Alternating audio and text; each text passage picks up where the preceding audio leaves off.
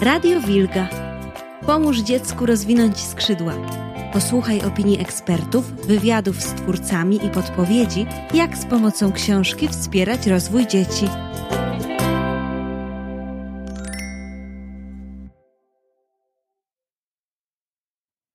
Dzień dobry, witam bardzo serdecznie w kolejnym odcinku Radio Wilga. Dziś będzie absolutnie pięknie, bo moja gościni jest ilustratorką, która potrafi nawet najsmutniejszy dzień zaczarować za pomocą kolorowych kredek. Panie i panowie, przedstawiam panią Annę Simeone. Dzień dobry, pani Aniu. Dzień dobry. Czy to prawda, co powiedziałam we wstępie? Czy sztuka no, może trochę zmie zmienić naszą rzeczywistość, czasami nie taką kolorową? Tak, no staram się kredkami i rysikiem na iPadzie, tak, czynić rzeczy ładniejszymi, piękniejszymi. A jak to się dzieje, że sztuka zmienia nasze życie?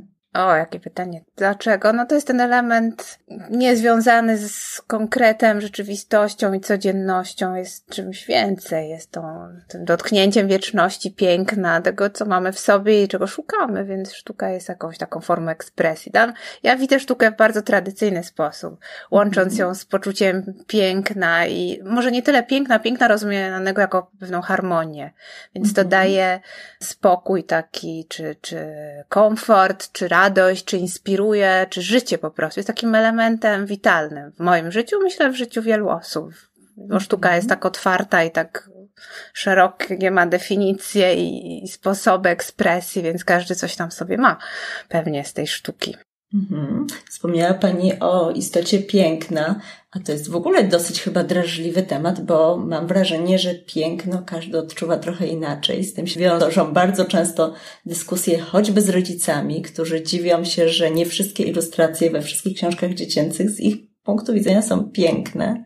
Jak to można rozumieć, ale jak można też rozstrzygnąć ten konflikt i czy on w ogóle jest jakoś rozstrzygany? Co powinniśmy odpowiadać rodzicom? Czy wybierać właśnie tylko takie rzeczy, które są piękne w takim mm, tradycyjnym modelu myślenia? Czy w ogóle taki tradycyjny model istnieje? Chyba nie istnieje, bo tak jak się to mówi, że jest to piękne, co się komu podoba, tak? To jest ładne. Aha. Każdy ma jakąś tam swoją, to jest kwestia banalnie upraszczając, może nie upraszczając, no definiując, to jest to kwestia gustów i wyborów naszych indywidualnych, tak jak mhm. kwestia stylu czy doboru, preferencji kolorystycznych, tak samo jest to z tym pięknem. Ja właśnie chyba od piękna wolę poczucie, nie wiem, harmonii i wtedy po prostu wiemy, że wszystko mhm. gra, tak? To tak jak z dobre, dobrze przygotowanym daniem. Jeżeli te składniki grają ze sobą, no to danie nas przekonuje, a jeżeli każdy idzie w swoją stronę, to coś tam nie gra, jest dysonans, tak jak w muzyce, czy w jakimś takiej naszej codzienności, nie wiem, w naszych mhm. ubraniach, czy czy, czy jakichś dodatkach, które widzimy, czy czujemy, że coś tu nie, nie gra, nie pasuje. A w tej ilustracji, w których po prostu jest jakiś element harmonii, to może być zupełnie no bardzo różnie rozumiane. Każdy ma swój chyba klucz nawet do tej harmonii, że po prostu nie jest ani za dużo, ani za mało, ani może z, właśnie, że jest tyle, co potrzeba i, mhm. i że to mhm. wszystko gra razem. Tekst i ilustracja. To tak mhm. chyba najprościej, myślę. Pani Aniu, a jaką funkcję ilustracja ma w książce dla dzieci? Och, podstawową chyba. E, czy nie, czego nie ujmując tekstom, tak? Ja akurat ostatnio ilustruję bardzo dużo książek dla bardzo małych dzieci, gdzie tekstu jest niewiele, więc ilustracji jest dużo. I zresztą tak myśląc o swoim dzieciństwie, czy o dzieciństwie mojej córki, wydaje mi się, no, no muszę to powiedzieć, że dla mnie sposobem selekcji czy wyboru książek było najpierw no, spojrzenie na ilustrację, na okładkę, no bo tak jest, te dzieci w wieku przedszkolnym, które same wybierają, no nie umieją czytać w większości jeszcze, więc na pewno nie sugerują się tytułem, na pewno nie autorem i na pewno nie ilustratorem. Widzą okładkę, widzą coś, co je zaciekawia, porusza, może coś, co jakoś tam odpowiada temu, co one znają, czy szukają, czy nie wiem, coś, co je zaciekawia i wtedy sięgają tą, tą książeczkę, biorą do ręki, otwierają i jeżeli coś tam jest, co je wprowadza w taki świat, w którym się dobrze czują, no to jest ta książka.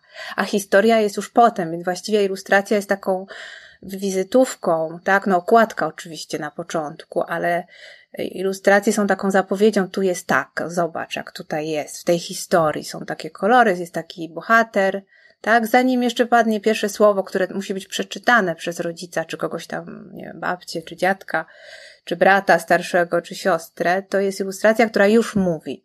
Mhm. Więc ilustracja no, jest istotna bardzo. I im mniejsze dzieci, tym chyba ona jest ważniejsza jeszcze. Mhm. Tak niewerbalnie zupełnie na takim poziomie działająca. Ja wiem, że jest pani chyba filologiem, prawda? Więc słowo. Tak, ja jestem filologiem. więc słowo jest pani bardzo blisko. polonistką, więc ja tutaj mogę działać na obu, że tak powiem, płaszczyznach, bo dla mnie słowo też jest ważne, istotne i oczywiście to nie jest tak, że, że jest książki obrazkowe i ten, ten tekst jest dodatkiem. Nie, to jest ta harmonia. Przenikają się dwa elementy. E, I myślę, że same obrazki, e, oczywiście one zachęcają, ale to jest ten wstęp. I tutaj grają różne, różne elementy swoją. Każdy ma swoją funkcję. Tekst jest oczywiście istotny. Wchodzi to tak jak w muzyce. Pewnie jest jakiś instrument, który wprowadza, a potem są inne i to wszystko tworzy całość. Mhm. Także tak to jest. Mhm. Mówimy bardzo dużo o harmonii. A ja bym chciała spytać, co jeszcze jest ważne dla Pani w procesie tworzenia? Bo Pani ilustracje są bardzo różnorodne. Cecha, która jest im wspólna, to rzeczywiście kolor, e, ale myślę, że tworząc ilustracje dla dzieci, każdy ma trochę inną wizję procesu twórczego, ale też dzieciństwa. Tak, no każdy wychodzi z jakiegoś tam swojego świata wrażliwości, czy swoich gustów, czy, czy tego, co uważa za, za odpowiednie też do odpowiedniego projektu i tekstu, bo każdy projekt jest czymś innym, no tak jak inna osoba, tak? Mamy do czynienia z mhm. osobami, z, z, różnymi zwierzętami, każdy, to jest odrębny, odrębny świat, o tak bym powiedziała, każdy projekt. Ja mhm. ostatnio tu dla Wilki zrobiłam serię Tuwimów, tak, wierszyków mhm. Tuwima i tak sobie starałam się odnaleźć klucz do tekstów, które są no bardzo znane w większości i są to teksty, które już mają no, no taką długą brodę, bo mają 100 lat, mhm. mniej więcej, tak, więc to są teksty Mm, no, które tak sobie myślę nie do końca nawet mogą być w pełni czytelne dla malucha, bo są tam słowa trudne, więc na przykład gramofon, czy jakieś takie rzeczy. I chciałam też zachować tych, tą ich oryginalność w, w stylistyce ilustracji, tak, żeby to było wiadomo, że to nie jest, że nie musimy tego starego tekstu ubierać w zupełnie nowoczesną formę i zapominać, że on ma jakiś tam kontekst historyczny też, ale oczywiście, żeby to nie było jakieś takie przykurzone na serio i strasznie takie retro, żeby to był taki retro modern. Taki był klucz akurat do tego projektu, a kolory były, no z jednej strony dość takie żywe, ale mhm. też takie trochę uspokojone. Też sporo jest czerni na przykład, no bo w sumie dlaczego nie, tak bardziej graficznie. Też właśnie w tym kluczu trochę retro, ale nie za mhm. bardzo retro. Więc to jest akurat historia, którą opowiadają kolory, ilustracja dla, w wypadku tego Tuwima. Tak to sobie myślę. Taki był pomysł. Ja mam w takim razie pytanie ważniejsze jeszcze chyba do y, tego projektu. No bo podjęła się Pani z ilustrowania klasyki. W dodatku takiej klasyki, która e, już przyzwyczaiła nas do pewnej koncepcji estetycznej, e, do pewnych ilustracji znakomitych mistrzów. Mam pytanie, czy nie bała się Pani trochę tego wyzwania? Może strach to nie jest to słowo, ale na pewno musiałam się jakoś skonfrontować i zerknąć na to, co było zrobione wcześniej, żeby zrobić coś innego. Mhm. To przede wszystkim nie powtarzać, nawet bezwiednie takich rzeczy, które już mamy w pamięci. Ja mam w pamięci jako dawne dziecko, no właśnie. poglądało dawne ilustracje to jest nieuniknione, że gdzieś one tam są, nawet gdzieś pamiętamy i można by sobie przez przypadek odtworzyć jakąś tam swoją wizję, która de facto jest już wizją zrobioną, nie wiem, kilkadziesiąt lat temu przez jakiegoś świetnego ilustratora. No tak, musiałam troszeczkę poszukać i sobie odszukać swoją drogę, która no, nie jest jakąś tam innowacją, bo mimo wszystko tu mówimy o klasyce, tak? Czyli o czymś, co jest no, jakoś tam zaakceptowane i znane i jego walorem, walorem klasyki, że jest powracające wracamy. No oczywiście dla dzieci to jest nowość, ale dla rodziców pewnie już nie, dla dziadków też nie, więc odwołujemy się do czegoś, co istnieje w naszym bagażu, jakiś tam, mhm. wiem, lektur czy, czy, czy wspomnień też.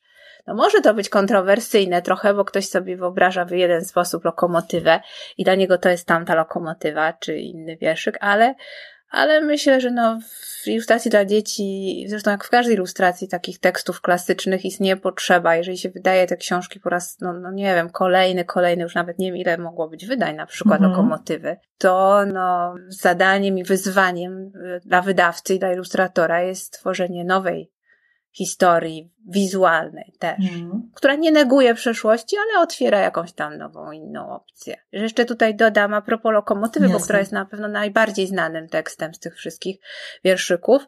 Ja tam czasami robię takie rzeczy w ogóle ilustrując, że wsuwam e, w historię, która jest opowiedziana tekstem, jakieś takie elementy, które są taką metahistorią. Na przykład w tej lokomotywie jest dworzec, na którym jest dziewczynka, i piesek, i ta dziewczynka potem się pojawia yy, chyba z raz drugi jeszcze yy, z mamą w wagonie, tak? Więc mhm.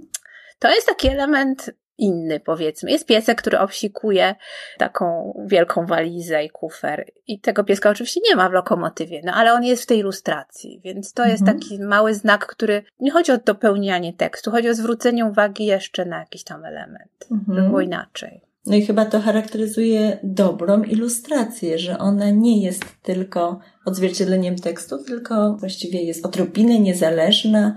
E, można się doszukiwać historii, których w tekście e, zostały zapoczątkowane, albo nawet których w tekście nie ma, a mogą, mogą być bardzo ciekawe z perspektywy młodego czytelnika, który sobie po prostu je wymyśli, bo wyobraźnia odgrywa bardzo dużą rolę i to chyba w zakresie e, zarówno tekstu, jak i ilustracji. Tak, no mogę powiedzieć tak, że ja też tak to widzę, że to wszystko y, kręci się wokół wyobraźni, o kreatywności, też odbiorcy, małego odbiorcy, ale też tego rodzica, czy tej interakcji, która jest między, no bo w sumie książka istnieje w momencie, kiedy jest brana do ręki, jest czytana, czy mhm. oglądana. Mhm. Nawet oglądana tutaj, bo no dziecko no właśnie, może samo tak. sobie przejrzeć te książeczki i tak dzieci robią i one sobie opowiadają swoją historię.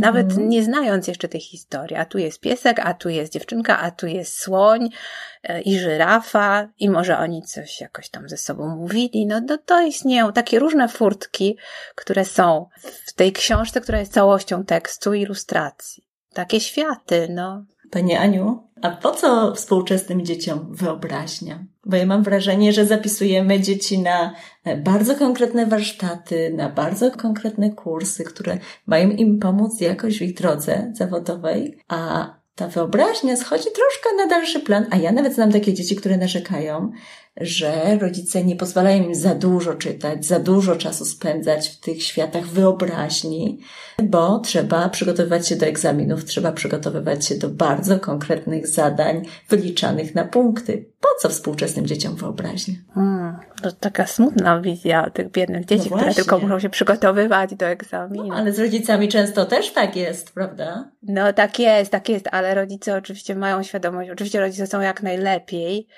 ale wyobraźnia to nie, nie tylko chodzi o to, żeby narysować zielonego słonia, czy, czy coś tam jeszcze, czy, czy wymyślać sobie jakieś, jakieś tam historyki, które wydają się, no powiedzmy, użyjmy takiego słowa, niepotrzebne. Chodzi o to, że umysł tworzy, no światy to jest, to jest duże słowo, ale tworzy pewne koncepcje. Po pierwsze ćwiczy swoje możliwości i później w sytuacji zdawania tych nieszczęsnych egzaminów, które się tam pojawią, no to jest poszukiwanie rozwiązania, tak? Rozwiązania, oczywiście ktoś mi powie, no dobrze, ale to są testy wyboru, więc trzeba po prostu umieć y, je rozwiązywać i tyle.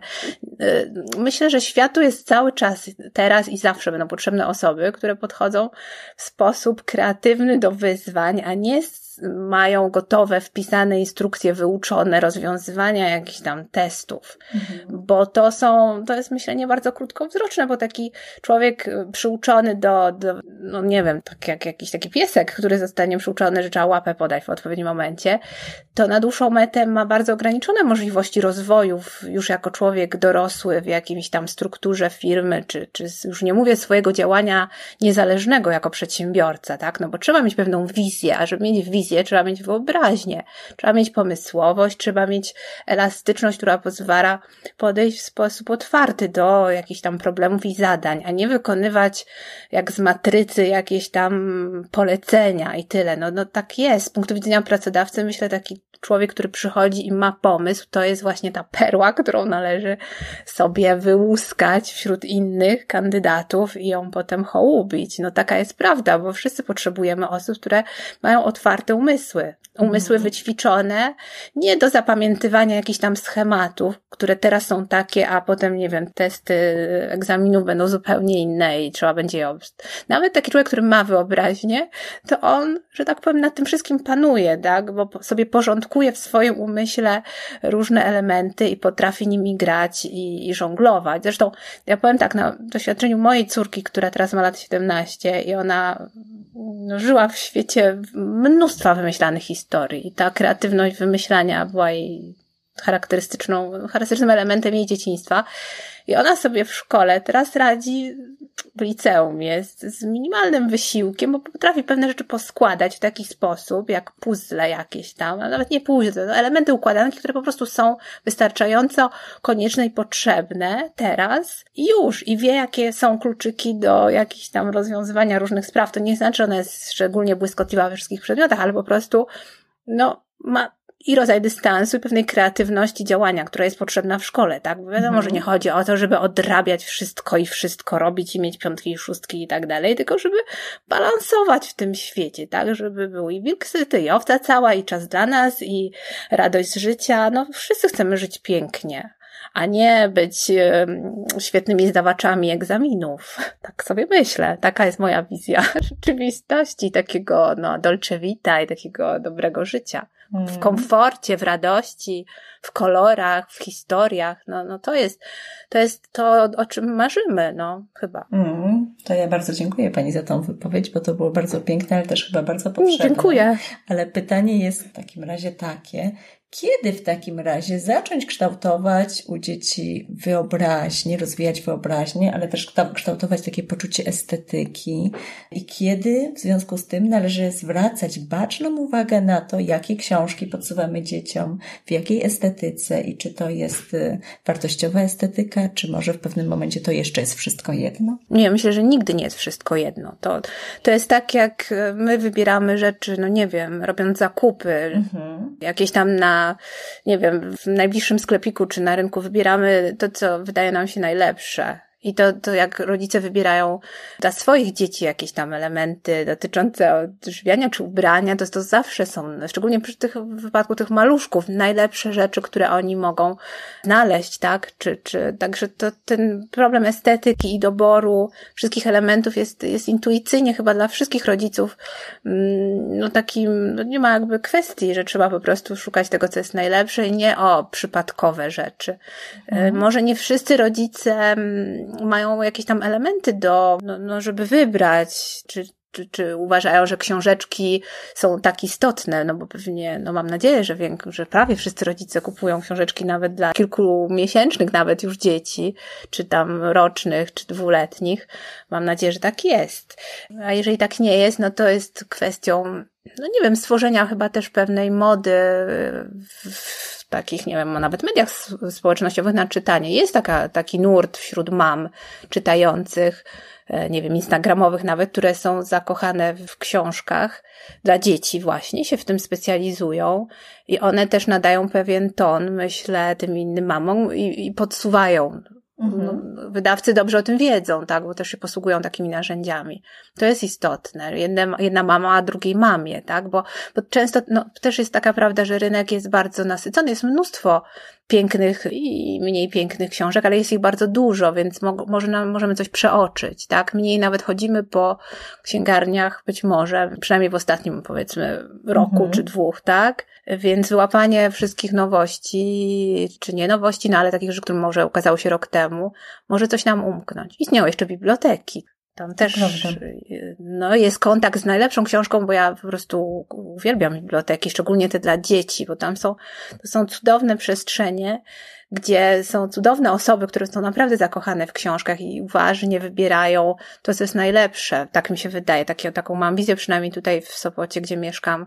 Mam wspomnienia z no mojej tak. biblioteki, gdzie, do której chodziłam. Naprawdę to są miejsca, gdzie się dzieje mnóstwo rzeczy. Nie tylko się wypożycza książki. I bardzo zachęcam do chodzenia do bibliotek, oczywiście też do kupowania. Tu, tu, też powiem a propos kupowania, y, zachęcając do kupowania, bo moja córka nie, nie była dzieckiem biblioteki, była dzieckiem księgarni i ona uwielbiała chodzić do księgarni i wynosić z tych księgarni jakąś książeczkę. No, wy macie też świetną księgarnię u siebie, więc y, ja się bardzo nie dziwię. Tak, księgarnie są potrzebne, absolutnie niech żyją księgarnie, małe, duże, jakiekolwiek, księgarnie dla dzieci, bo to jest taki kontakt elementarny według mnie. I poza tym jest to cudowne przeżycie, chodzenie z małym dzieckiem, już malutkim naprawdę, do księgarni i wybieranie książeczek, e, przeglądanie, potem przynoszenie tej książki do domu. To są takie drobne, duże, małe przyjemności, bo to drobne to jest takie, tak mówimy, drobna przyjemność, to jest wielka przyjemność takiej, mhm. takiego macierzyństwa czy rodzicielstwa. No, przeżywanie takich, takich chwil, wspólnych lektur, wspólnego wybierania książki, wspólnej wizyty w księgarni. Cudowne momenty. Mhm. Także korzystać trzeba póki, póki dzieci są takie małe, no później jest już inaczej. Tak, to, to później prawda. idą swoimi ścieżkami i wybierają już swoje lektury. No ale ten początek jest ważny. Jeszcze mogę powiedzieć też jako mama, że wydaje się, że tak, no dzieci czytają, jak są maluchami z rodzicami i tak dalej, potem są książki, potem jest szkoła, która zachęca, programy maratonów czytelniczych, a potem nagle przestają czytać i taki rodzic myśli sobie, ojej, no zaraz, zaraz, a mówi się, że trzeba czytać dzieciom i one potem będą czytać, a tu co? No, ale potem tak, tak patrząc na moją córkę, mówię, ona miała jakiś taki moment zastoju, a, a potem znowu wróciła do czytania, więc jednak czytanie wierzymy w książki i w kulturę słowa, bo w końcu z tego wyrośliśmy, tak? Przyszliśmy może z ogrodów, ale też e, z bibliotek i z księgarni. To jest nasz świat, nasza kultura, nasza, nasza zdolność komunikacji, tak? Słowo. A jeżeli mhm. słowo, to i książki. To Pani Aniu, w takim razie pytanie o Pani marzenia, bo jest Pani autorką wielu ilustracji, też już e, ilustracji do e, klasycznej literatury. Każdy ilustrator ma jakieś marzenie, chciałby zilustrować jakąś konkretną książkę. Nawet tacy artyści jak Józef Wilkoń, jego marzeniem było zrealizowanie e, ilustracji do bajek Krasickiego. Pytanie jest takie, jakie jest Pani marzenie? Hmm. Czy ja mam książkę, którą chciałabym bardzo zilustrować?